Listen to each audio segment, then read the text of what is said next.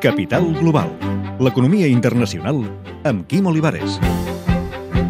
Molts fons multimilionaris provinents de la banca islàmica no han invertit aquí perquè l'ordenament jurídic no està adaptat a aquesta mena de finances. En canvi, aquests petrodòlars sí que han aterrat al Regne Unit i França.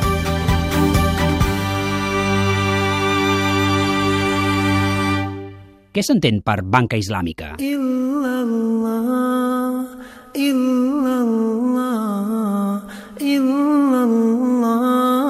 Najia Lotfi, presidenta del Centre d'Estudis i Investigació sobre l'Economia i les Finances Islàmiques. En lugar de funcionar con tipo de interés, funciona con reparto de riesgos por las dos partes, tanto el banco como el cliente entran como socios, pero el proyecto tiene que ser concreto y el producto tiene que ser tangible. Tampoc es pot invertir en elements contraris a la llei islàmica, com l'alcohol, l'armament o el joc. Però posem-nos pràctics. Islam, salam alaikum.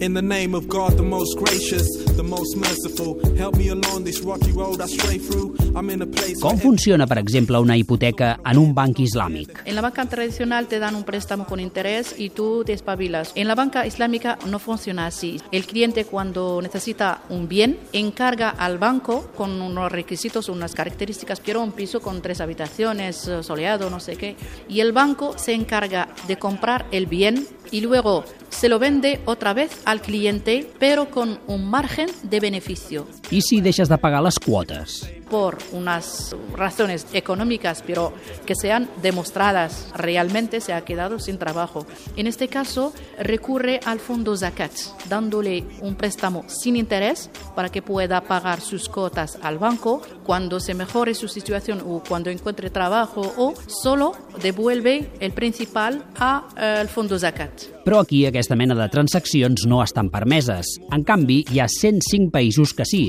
Segons algunes estimacions, la banca islàmica mou uns actius globals d'uns 1,8 bilions de dòlars. Josep Marçal, soci, advocat i economista de Quatre Cases Gonçalves Pereira.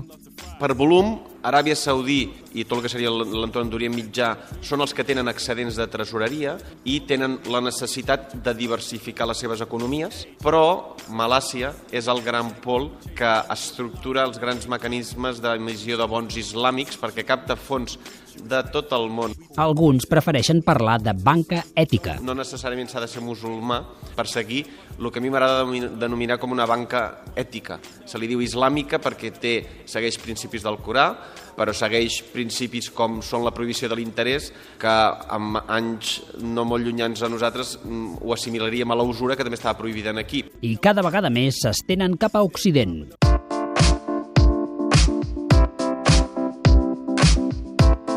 La City de Londres ho té clar des de fa més de 10 anys. Allà hi ha sis bancs islàmics i l'any que ve emetrà bons especialitzats. David Cameron, primer ministre.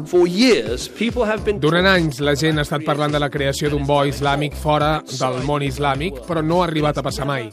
Aquest govern vol que el Regne Unit sigui el primer estat sobirà fora del món islàmic a emetre un bo islàmic.